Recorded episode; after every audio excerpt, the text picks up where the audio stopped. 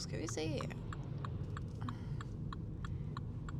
Det var ju ett tag sedan jag var här. Och hur...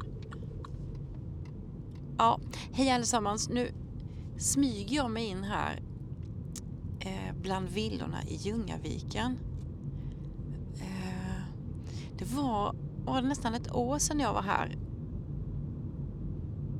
Och då besökte jag utgrävningsplatsen för de här ny, det här eh, nya villaområdet. Eh, och jag vet inte, har det hänt någonting sedan dess? Nej. Fast de här ser nya ut.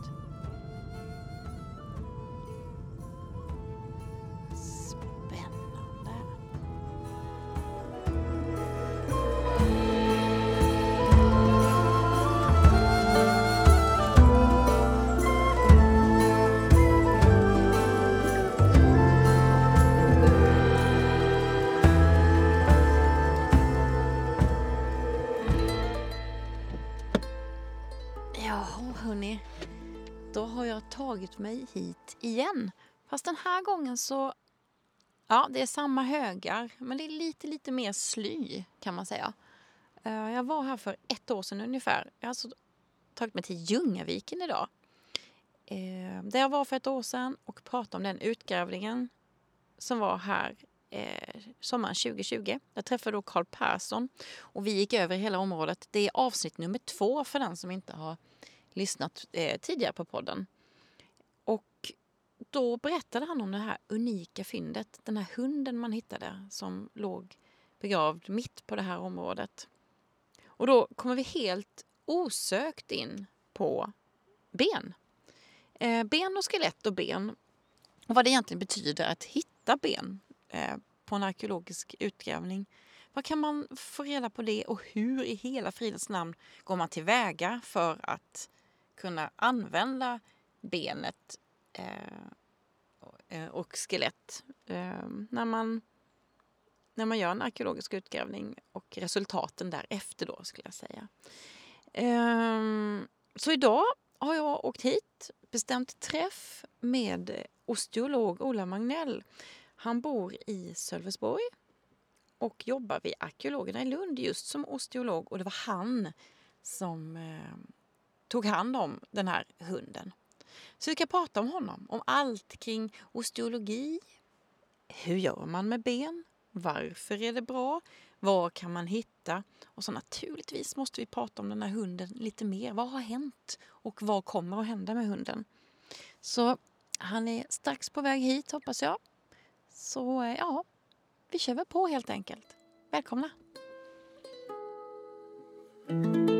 Var eh, ska vi gå bort där Jag tänkte gå bort till eh, platsen för eh, Ja, hundgaveln. jaha vad spännande. Men du var med här va? Ja, jag var med. Så till och från kan man säga. Ja. Framförallt på, ja, på slutet när det kom hundar, det kom lite mer ben och ja, sådär. just det. Ja, osteologi. Mm, Det är läran om ben, är Ja. det så? ja, precis. Tänkte det skulle vara ett, ett litet pedagogiskt avsnitt.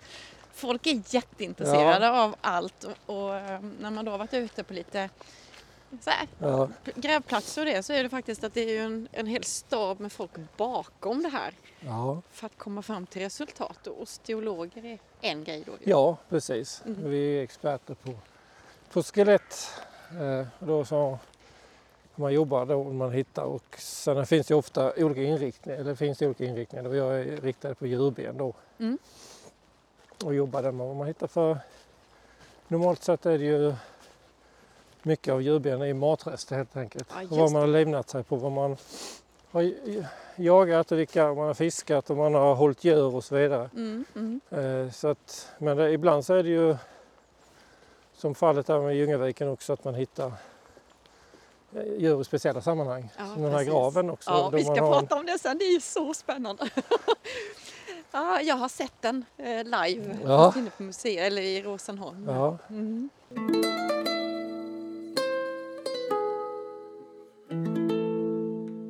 Men du, om man säger läran om ben, för det är det det betyder va? Ja. Vad är läran om ben? ja, alltså vi... jag håller ju på specialfack där man använder ju just läran om ben, alltså hur skeletten ser ut, hur djuren och människan, hur det är uppbyggt. Det använder, osteologi används ju, jag menar i medicin så att säga. Det handlar ju om hur, hur skeletten ser ut så att Ja, säga. ja. Men just vi har ju en inriktning där vi använder det för att förstå det förflutna. Mm. Och då kan man få fram en massa information då ur, ur benen. Hur, eh, ja, dels är det som jag berättade innan, alltså vilka, vilka djur det är. Att man kan identifiera till art och man ser utifrån Ja. morfologin. Att, eh, om det är olika arter. Så, eh, men sen kan vi ju få fram information då om, om djurens ålder, eller människans ålder, eh, kön, hur man, hur man sett ut, alltså kroppsbyggnad. Alltså Mm. stö- större eller mindre djur till exempel, eller människor då. Vi kan ju se hälsa, alltså så om det finns spår av sjukdom i skelett som sätter sig på skelettet då. Hur, hur man har mått eller hur djuren har mått och sen så kan man ju se andra spår på benen, hur man har hanterat dem. Om det är slaktspår, man har skurit på benen, om det är bitmärken efter djur och så vidare. Så att det, det handlar om det, att rekonstruera då ja, hur djuren har använts av människan och och så. Ja. Men när jag tänker så här på osteo, osteologer säger man väl, då ser jag lite, lite det här vita rockar och mikroskop, lite åt det. Men ni är, ni är ofta med ute i fält. Ja, alltså, alltså som det heter, det finns i olika, olika länder lite olika, ser det olika ut. I Sverige speciellt att vi har, vi kallas osteolog, Mm. historisk osteologi. I vissa länder så är det mer eh, de som jobbar med människoben och sånt kanske är mer knutet till medicin. Medan djurben kanske är knutet till zoologi eller till veterinärmedicin. Men det har blivit framförallt över åren nu och som det finns internationellt så kallas det egentligen zooarchaeology, alltså djurarkeologi Okej, mm, kan man mm. säga förenklat. Och eh, det är ju det vi är, vi är ju ett slags arkeologer som är specialiserade på just benen. Just det. Så, det du, är Så lite, vi är en du, är, du är ju arkeolog Så att, fast med... Men visst, vi kan ha, man kan ju ha vit rock och så. Och vi jobbar ju i en slags labbmiljö när vi försöker identifiera benen och förstå Ja. vad det är vi, vi hittar. Så, men det är ju, Men jag har varit med lite så här på några utgrävningar eh, för 150 år sedan. mm, Så när man hittar ben på en ja. utgrävning, eh, det kan vara små fragment Ja. eller kanske större. Vad, gör man, vad är det första man gör då med benen? ja, alltså eh, man kan säga det följer olika steg. Då. Eh, Det första är egentligen bara att dokumentera var benen kommer. Man samlar in det då. Mm. Dokumentera var man hittat det i, i, i vilket lager så får ett nummer. Mm. Eh, Sen nästa steg är att man tvättar fynden. Sen kommer de då till osteologen då. Och sen så börjar ju vårt arbete med att identifiera vad det är, lägga in i en databas och använda det. Och sen så slutligen så hamnar det ju förpackas det och åker in till museerna då för att kunna beforskas vidare. Ja. Så det kan man väl säga är lite det steget. Tänker vi ska gå upp här. Åh, detta är ett så häftigt ställe. Det var som ett månlandskap när jag var här förra året. Ja, det, det är det faktiskt. Det, det intressant att se hur det ser ut nu. Men jag tror det är rätt så likt faktiskt. Oj, ja. Ja, det är fortfarande så här. Ja, det är ju inte, de har ju inte börjat ännu här. Ja, så här var ni. Ja, här var vi nu för, vad blev det, ett och ett halvt år sedan. Ja, det, är, det är lite läskigt nästan. Alltså det är, det, det, en sån här dag som idag så är det ju... Det är bara ljusgrå beige sandkullar med massa Ja. stora stenar och Mm. gropar. Och massa, massa, massa eh, kolrester kvar. Ni ser Ja, allt det här mörka. Det är ju deras, efter deras eldstäder här. Ja. ja, det är en häftig plats alltså. Ja, det är väldigt... eh,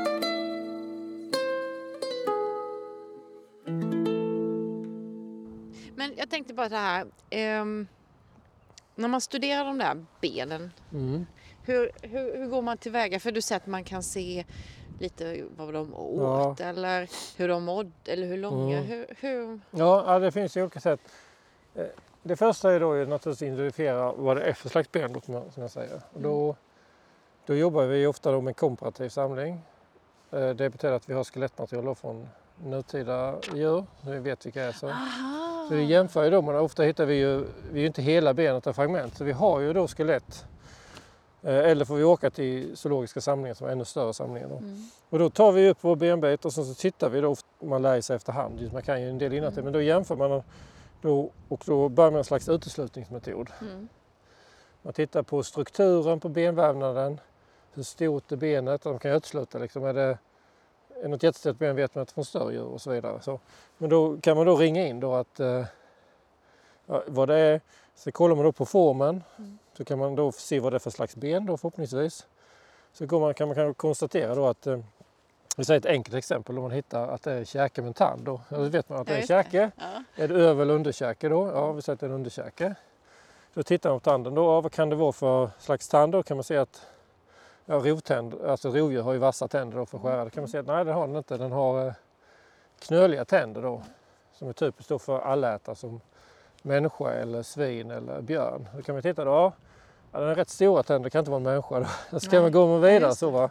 Och då kan man se att ja, men detta måste vara ett, eh, ett svin då. Mm. Och då kommer nästa problem till exempel då. Är det ett vildsvin eller ett tamsvin? Ah. Eh, då kan man då titta, de är väldigt lika då för det är samma art egentligen. Man har ju tämjt vildsvin. Men då, då har det skett en storleksreduktion då att tänderna har blivit mindre. Då kan man då mäta tänderna och konstatera att ja, den är jättestor. Det är ett vildsvin då Mm. till exempel. Eh, Så det är lite så vi kan jobba när vi får fram eh, till vilken art det är. Sen så då om vi vill ha information om ålder så kan man ju titta på olika saker i skeletten. Eh, när när eh, ett djur eller en människa växer så, så, så utvecklas och mognar skelettet på olika sätt. Dels så har vi tillväxtzoner i rörbenen när de växer då. Och så de sluts samman då vid olika tidpunkter. Så då kan man utifrån det se det. Och sen så det som kanske ger oftast mest information när man tittar på tänderna. Mm. För de, eh, dels har, har djur precis som människor då mjölktänder och permanenta tänder. Så de bryts, Ja, det byts enligt, vi vet Mm. sexårstanden då byts Mm. och så vidare. Eh, Det är samma mönster hos djuren fast det går mycket snabbare. Då. Mm. Vid, vid viss ålder så kan man se om de har fått alla tänderna. Sen efter det slits tänderna ner då efter ett visst mönster. Och då kan man då se vilken djur åldern haft när den har dött. Och detta kan ju då vara viktigt för att vi kan se eh, att man har haft, till exempel om vi studerar eh, Mesolitikum jägarstenålder så kan man se då om man har jagat viss åldersgrupp eller man har liksom, har man jagat unga djur eller vuxna. Ah. Eller man har alltså strategi. Finns det sådana? Alltså, var de sådana? Var Ja. de sådana? De tänkte så? Ja Alltså? absolut. Eh, min avhandling studerade vildsvinsjakt och då fanns, Ja. kan jag ha visat att det fanns två huvudsakliga sätt att jaga vildsvin på i, Mm. under, i, i, ja, i Skåne är det från egentligen då. Ja. Eh, Där den ena är att man eh, riktar sig in på eh, fullvuxna djur Mm. över tre år. Eh, Som då ger väldigt mycket mat, kött Ja. för per enskild djur. Då. Men, eh, el- en alternativ jakten är då, då, man har jagat en del vuxna men rätt mycket eh, kultingar. Mm.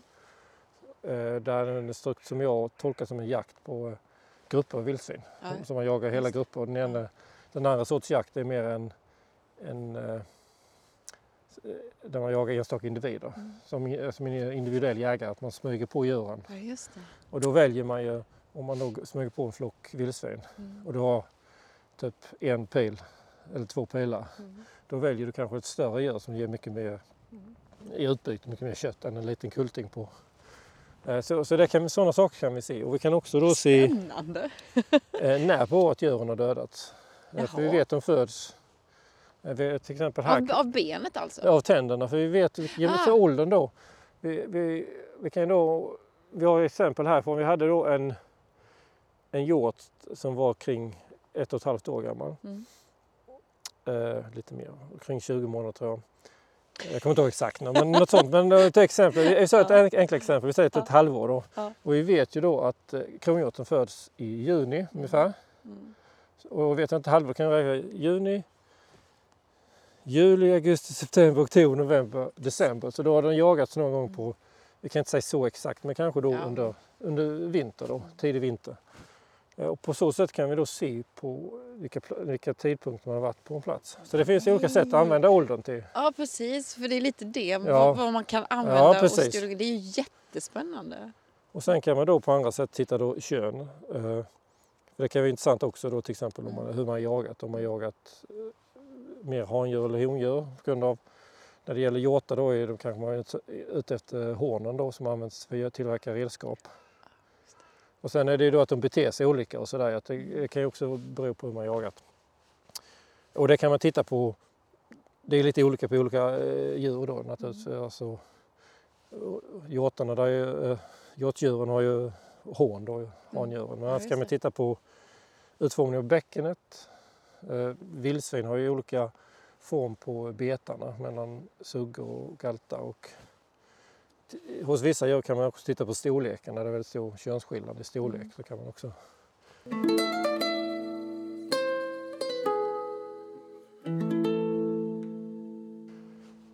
Men sådär var de kommer ifrån och så kan man... Jag vet inte, Ja. är det mer med människor då kanske? Nej, det kan man ju också. Alltså det finns ju olika eh, kemiska analyser, eller vad man ska säga, andra, när man studerar strukt- så man kan använda, ko- kolla uppbyggnaden då av benen. Man kollar, och då kan man ju bland annat titta på olika saker som dels vad de har ätit djuren Mm. och så vidare, eller människorna. Men även kan man titta på eh, strontium i tandemalj som är då ett Mhm. grundämne. Det finns olika isotoper och det inlagras då i skelettet av det man äter och dricker, men framförallt det man äter. Och det här, de här olika förhållandena mellan olika isotoper eh, beror på eh, berggrundens ålder, där då maten kommer ifrån. Nej. Och då kan man då utifrån det titta då på de här värdena och se att om man kan ju då göra mätningar vad man får förvänta sig ett område då, Mm. som har till exempel som här som har lite yngre berggrund då. Och hittar man då värden som avviker då kan man då konstatera att för tanden bildas ju när djuret är eh, ungt då. Mm. Och om det avviker då kan man vi- visa att det här kommer från ett eh, annat område som har en annan berggrund. Och då har djuret flyttat på sig eller har man har tagit med sig djuret. Eller människan har flyttat Ja. då. Eh, och det är ju något som vi har tittat på här också. Men- Men ibland när man läser om eh, utgrävningar och sådär, ja då såg man de bodde där och där och man såg att de åt säl och fisk och, och Ja. eh, liksom bla bla bla Ja. bla bla bla bla. Mm. Hur har man... Det är ju, då är det att man har hittat...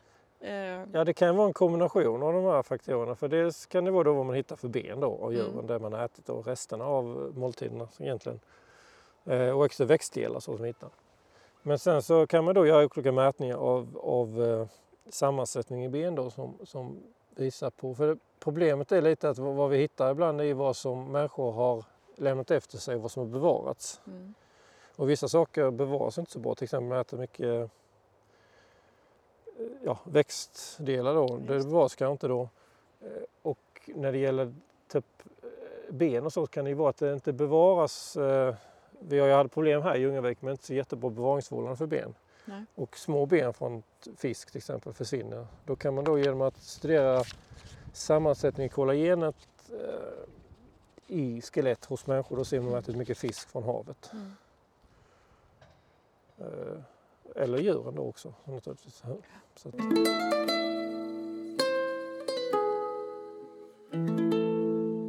Eh, det var här. Var låg hunden? eh, om jag inte missminner mig så, så är den här gropen här. Och hur? Berätta. Hunden. Ja, det var, lite för, det var lite oväntat på många sätt just eftersom det var...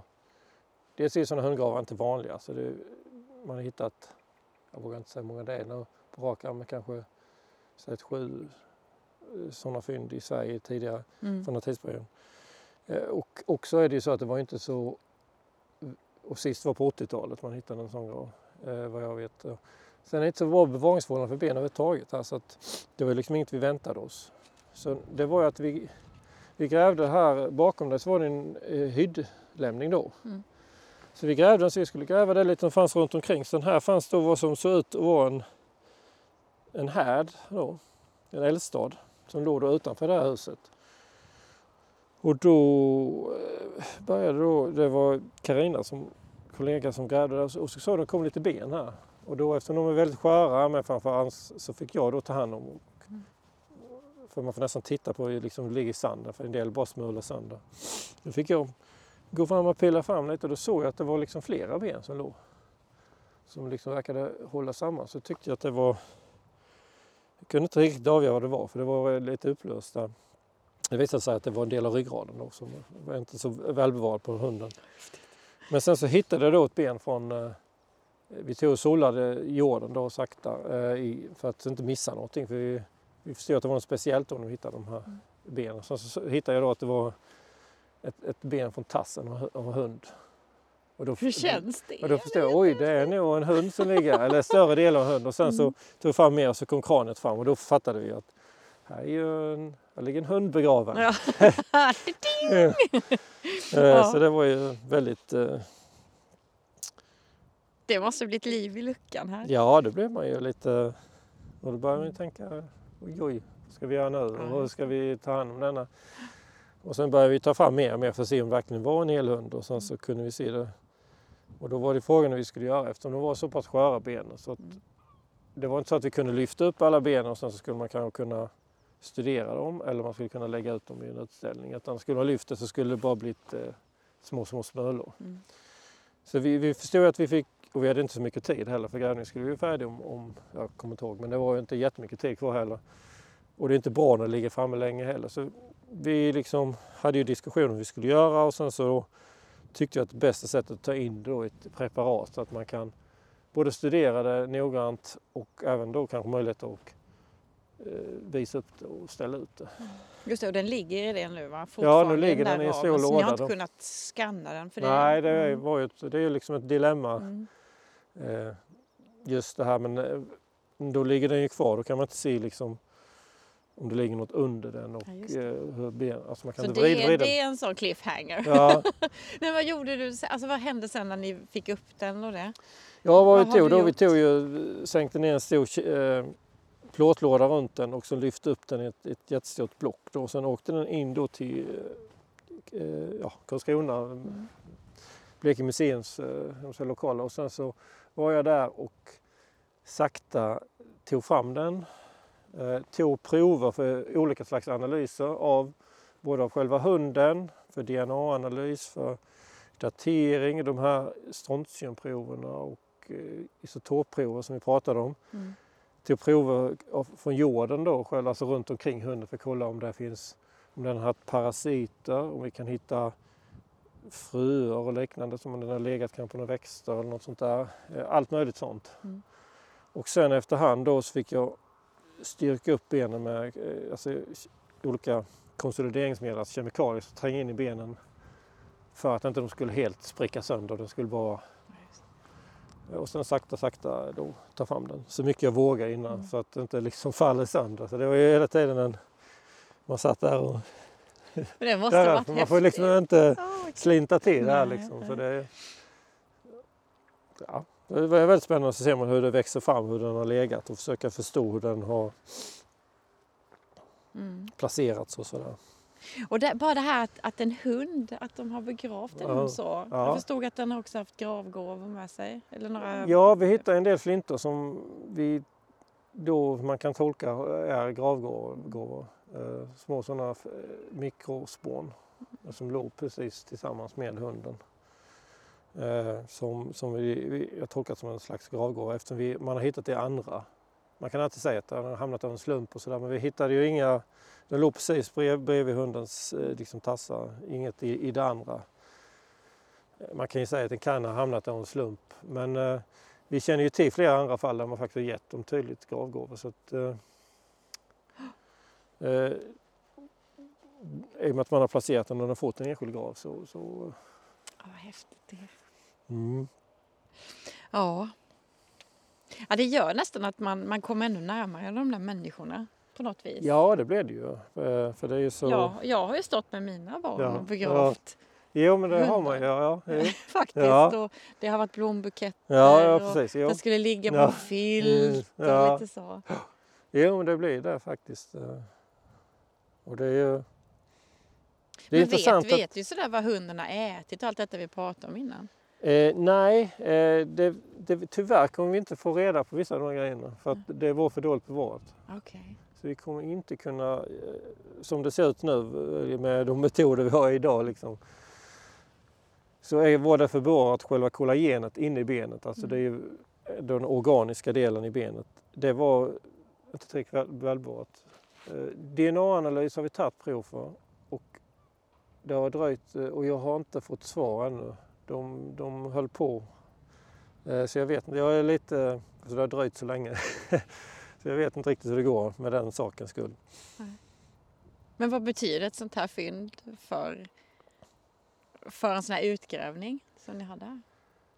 Ja, alltså, jag menar det viktigaste på den här utgrävningen är kanske inte hunden utan det är eh, platsen som sådan och alla de här hyddorna som egentligen är kanske rent arkeologiskt eh, kanske mer viktigare på ett sätt. Eh, Men det betyder ju väldigt mycket för att det ju det får ju väldigt uppmärksamhet och det blir det här man kommer väldigt nära, alltså de här liksom groparna som är någon slags rest efter bostäder. Eh, Alltså man, det blir väldigt nära när man ser den här hunden som någon har lagt ner eh, Mm. omsorgsfullt i en grop. eh. Eh, Och också, det kommer ju bidra till att förstå de här hundgravarna lite med för att nu hittar vi dem här på ett kanske ett lite annat ställe, eh, välundersökt i anslutning till hus. Vi vet nog inte exakt om det är samtida men förmodligen. Eh, Så det kommer ju också hjälpa att vi förstår hela den här eh, varför man begravt hundarna. Varför det, det är var vissa hundar man begravt. Man har ju inte begravt alla hundar. Vi, hittar ju hundar i, i det huset där ligger det lite hundben slängda sådär. Så, ja men det är så att man, ja, men det, man, man har flott hundar, tagit skinnet. Man har, Ja, just det. det finns fall där man vet att man har ätit hundar. Så det är inte alla hundar som begravs. Så, att det, Nej, nej, nej. eh, så det handlar om också att förstå var, varför är det vissa spännande. hundar? Är det några speciella hundar då förmodligen då? Och i vilket, i vilket sammanhang gör man detta liksom? Mm. Och det kommer vi aldrig få veta, eller? Nej, ing- det kommer vi inte få ett säkert svar men vi kommer ju kunna kanske komma lite närmare när vi, när vi kan se om det är exakt, är det samtida med det här huset? Kan det ha med det att göra liksom och sådana Mm, saker? Va?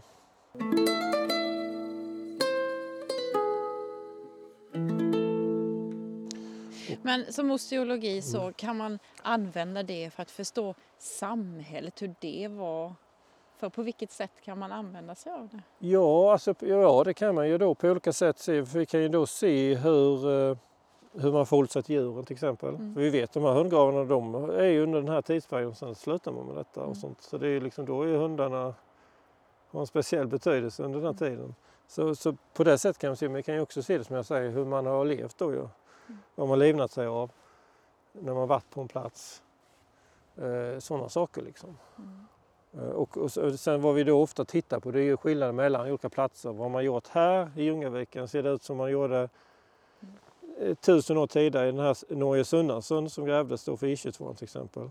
Som är då, hur ser det ut då? Hur ser det ut om man går till Siretorp här eh, under då några tusen år senare. Liksom. Så man kan ju se hur det förändras över tid liksom. mellan här och mellan olika platser. Eh, för att liksom förstå hur, hur man ja, ja, människans livsvillkor så att säga.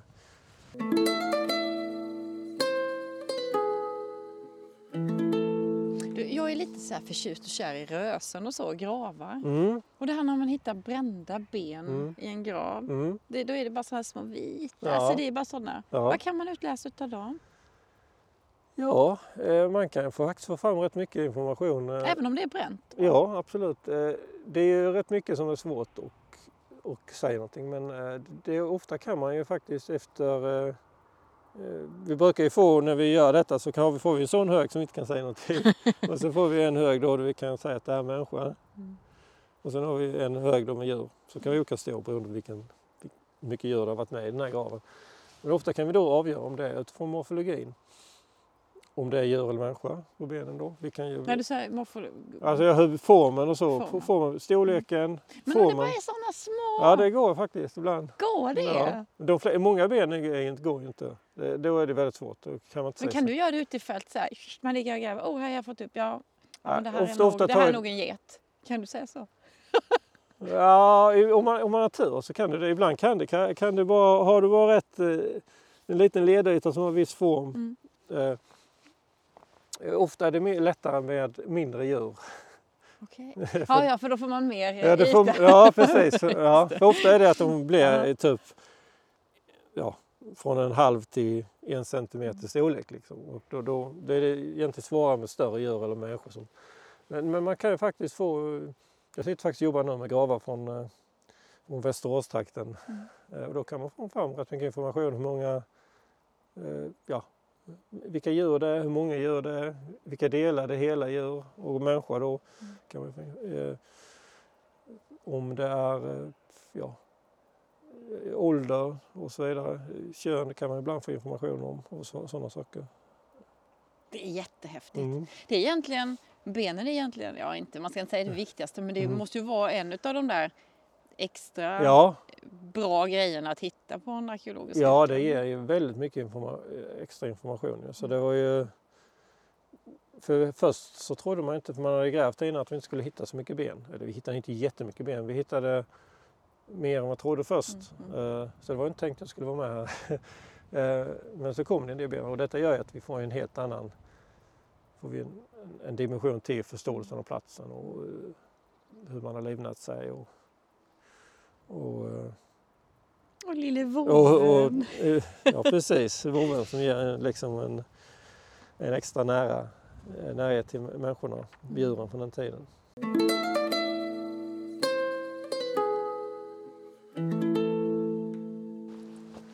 Nu har man ju börjat med analysera träckhål och annat också. Ja, ja, ja. Ja just det, vad, vad vet du? ja, det är lite spännande om- faktiskt att, för det är lite som om du tittar ut här i, i, i skogen här. Ja. Och, sen ser vi vassbältet. Ungefär, ungefär så här verkar det se ut. Ja. Eh, Det är mycket tall. Eh, Vi har lite andra trädslag också. Så, men det, eh, det verkar ha varit faktiskt rätt så likt faktiskt så som det såg ut här innan vi började. Eh, många sätt. Åh, men det var kallt idag. Ja, det var, det var en jag dålig trodde dag jag att valde. det skulle vara... Ja.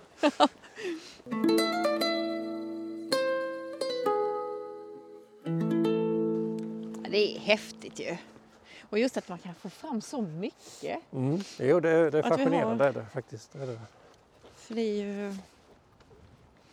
Det är som sagt var, de får ju problem de som ska, om de ska analysera så här, vad vi har ätit Ja, sen.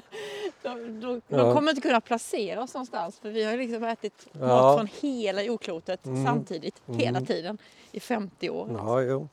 Mm. Men skulle det vara stor skillnad om du hade tittat på, om du tittar på hundben idag som äter Mm. pelletsmat och det Ja. och sen den som låg här, om man då hade jämfört? Är det, Ja. alltså, är det stor skillnad eller hur ser man skillnaden? Gör man det? Ja, alltså, vi, ja, alltså det är inte jättestor men man kan ju se skillnader i eh, hur hundarna sett ut till exempel och sådär ju. Ja. Eh, Så de, de, jag menar, finns ju, de är inte helt väsensskilda men det finns ju skillnader. De här väldigt tidiga hundarna eh, skiljer sig lite då. Men de har eh, väldigt stora tänder till exempel i förhållande till sin storlek. Som är så tidig i Aha. tämjningsprocessen. Eh, sen har de ju levt annorlunda eftersom de, än de flesta hundar gör idag eftersom de inte får så fin lättuggad mat. De flesta har ju liksom fått leva på rester och så, eh, gnaga sönder ben och så vidare. De är ju väldigt eh, välutvecklade käkparti ofta, som Det den kan jag hunden. Som både är ett genetiskt men även en livsstil då. Mm. Där, Men så vår lilla hund här, om du skulle beskriva hur den Ja. såg ut när den stod upp. ja, Hur, hur stor var den och hur ja såg den, den var ut? den, den var rätt så tuff för den tiden. Den var runt eh, bit, lite bit över 50-53 centimeter över mankelryggen. det är Ja. ganska stor. Ja, så det är ingen liten hund på något sätt. Om vi kollar på liksom rätt så kraftigt byggd så här kan jämföras med en eh, eh, alltså proportioner. Eh, som en kan man säga, dobermann eller en, en grönländsk hund. Så. Alltså så kraftigt, liksom rätt så muskulös lite hund. Så. krallig Alltså, ja, Ja, alltså, ja. i, fast, ja, Mm. så. Inte kra- så, den är ju en kåta benet men, men liksom ändå så rätt så Eh, och den har nog rört sig mycket så. Och sen så om vi tittar då på själva eh, kraniet hur det ser ut och så, så, så kan man säga att det, det, jag menar, det finns likhet men det skiljer sig från nutida. Och det, ju att den har så väldigt kraftiga käkar i förhållande Mm, till nutida. Så den är inte jättestor då. Den, den har ju den är ungefär jag upp om man jämför med olika nutida hundar som en Mm. dalmatiner i storlek. Så, men själva käken är kraftigt som på en varg. Så den har liksom Ja, ja, ja. massiva käkar. Så den har ju sett liksom... Eh, man brukar ju jämföra dem med olika slags spetshundar som, Mm, som är laika eller sånt.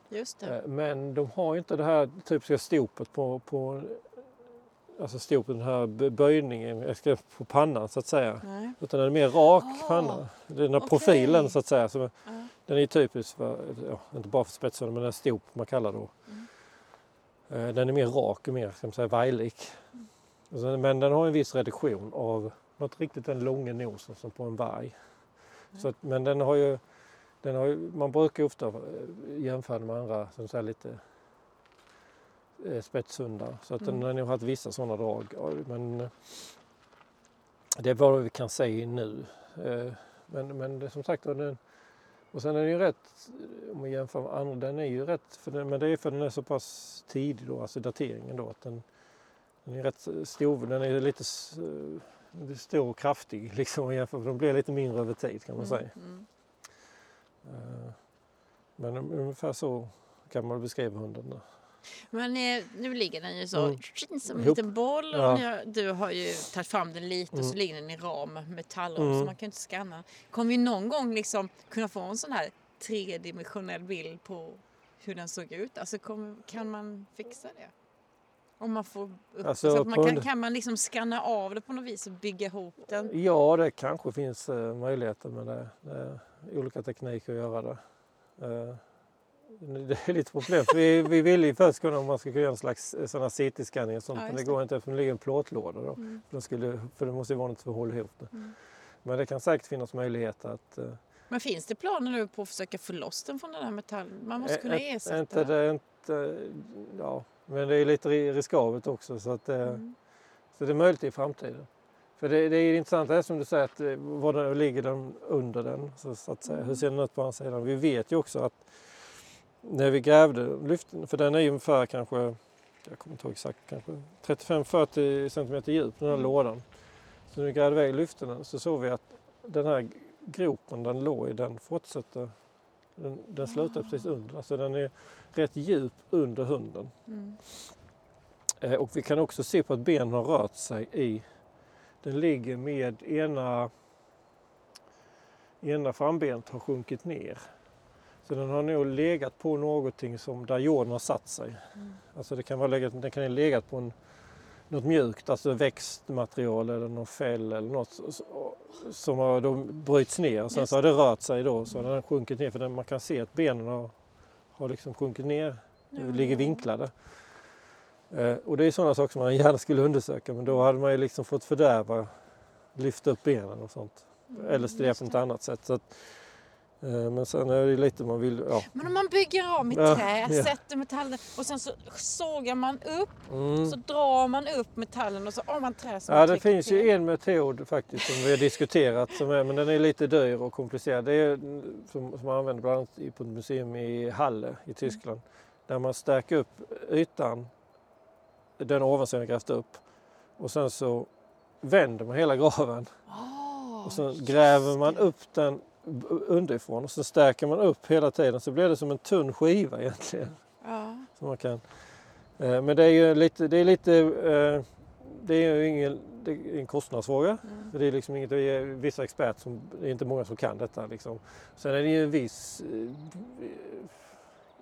de säger att det ska gå bra och sådär men det finns ju kanske en viss risk också med, Mm, med man ska ha, liksom, det är ändå ett väldigt skört liksom, material. och sådär. Eh, Men det finns säkert möjlighet att, att, att kanske kunna göra saker i Ja, framtiden. det det, det, utvecklas Ja. ju, hela tekniken utvecklas fantastiskt. Ju, och så, och man kan ju göra saker som, som den här, vi hade ju en utställd här eh, i. Sölvesborg. Man gjorde ju en eh, 3D-print av den. ju. Ja. Så att det finns olika sådana saker som kommer hela tiden, tekniker som gör att vi kan... Men då, Speciellt. så då träffas du och jag igen när man kan så här, kasta pinne Ja, med en sån så. eh, ABBA-monterad. Ja. När man har gjort den. Ja, Mm. ja men jättekul. Ja. Ja. Mm. Det finns något mer? Nej. Ja, Det finns det, finns säkert, massor. det finns säkert Mm. men eh, det får vi kanske ta en annan gång. Ja, det gör vi. Mm. Jättekul att Ja, träffas mm. och få höra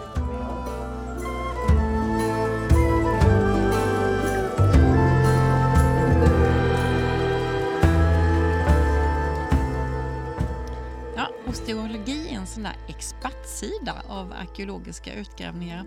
Och en annan viktig expert som undersöker fynd efter grävningar är keramikexperten. Och om två veckor i slutet på eh, mars, i början på april, så kommer du att kunna höra ett avsnitt när vi träffar just en sån. Jag ska nämligen ta med dig till en verkstad utanför Höganäs där keramikexperten Torbjörn Brorsson har sitt kontor. Han har tittat på den keramiken som hittades under grävningarna som gjordes längs E22 i östra Blekinge tidigare i höstas. Men innan dess så ska vi ta oss från stenåldern och fram ända till slutet av 1600-talet. För nästa vecka så ska vi besöka ett byggnadsminne mitt i centrala Karlskrona. Vi ska nämligen besöka Lindströmska gården. Många framstående personer har bott i Lindströmska gården och det finns en massa häftiga historier. Eh, namnet har den fått från en av de senare ägarna, nämligen urfabrikören H.A. Lindström. Och vi kommer besöka denna byggnad som ingår i världsarvet örlogsstaden Karlskrona tillsammans med bland annat just en Lindström, nämligen Fredrik Lindström. Och ja, det klingar nog bekant för vissa, för det är just den Fredrik Lindström, han från P3-programmet Hassan eller På spåret-domaren Fredrik. Ja, Fredrik har alltså lovat mig att han ska berätta några intressanta släktminnen från Alamedan 13. Han har inte varit där sedan han var riktigt, riktigt liten och ser fram emot detta. Och det ska bli kul att få komma dit. Jag vill dessutom understryka att just det här avsnittet gjordes i samarbete med och med bidrag från Länsstyrelsen i Blekinge. Och vill du höra fler avsnitt av arkeologi och historia Blekinge, ja då hittar du dem i appen Podbean, Podcaster eller på Spotify. Tack för att du har lyssnat.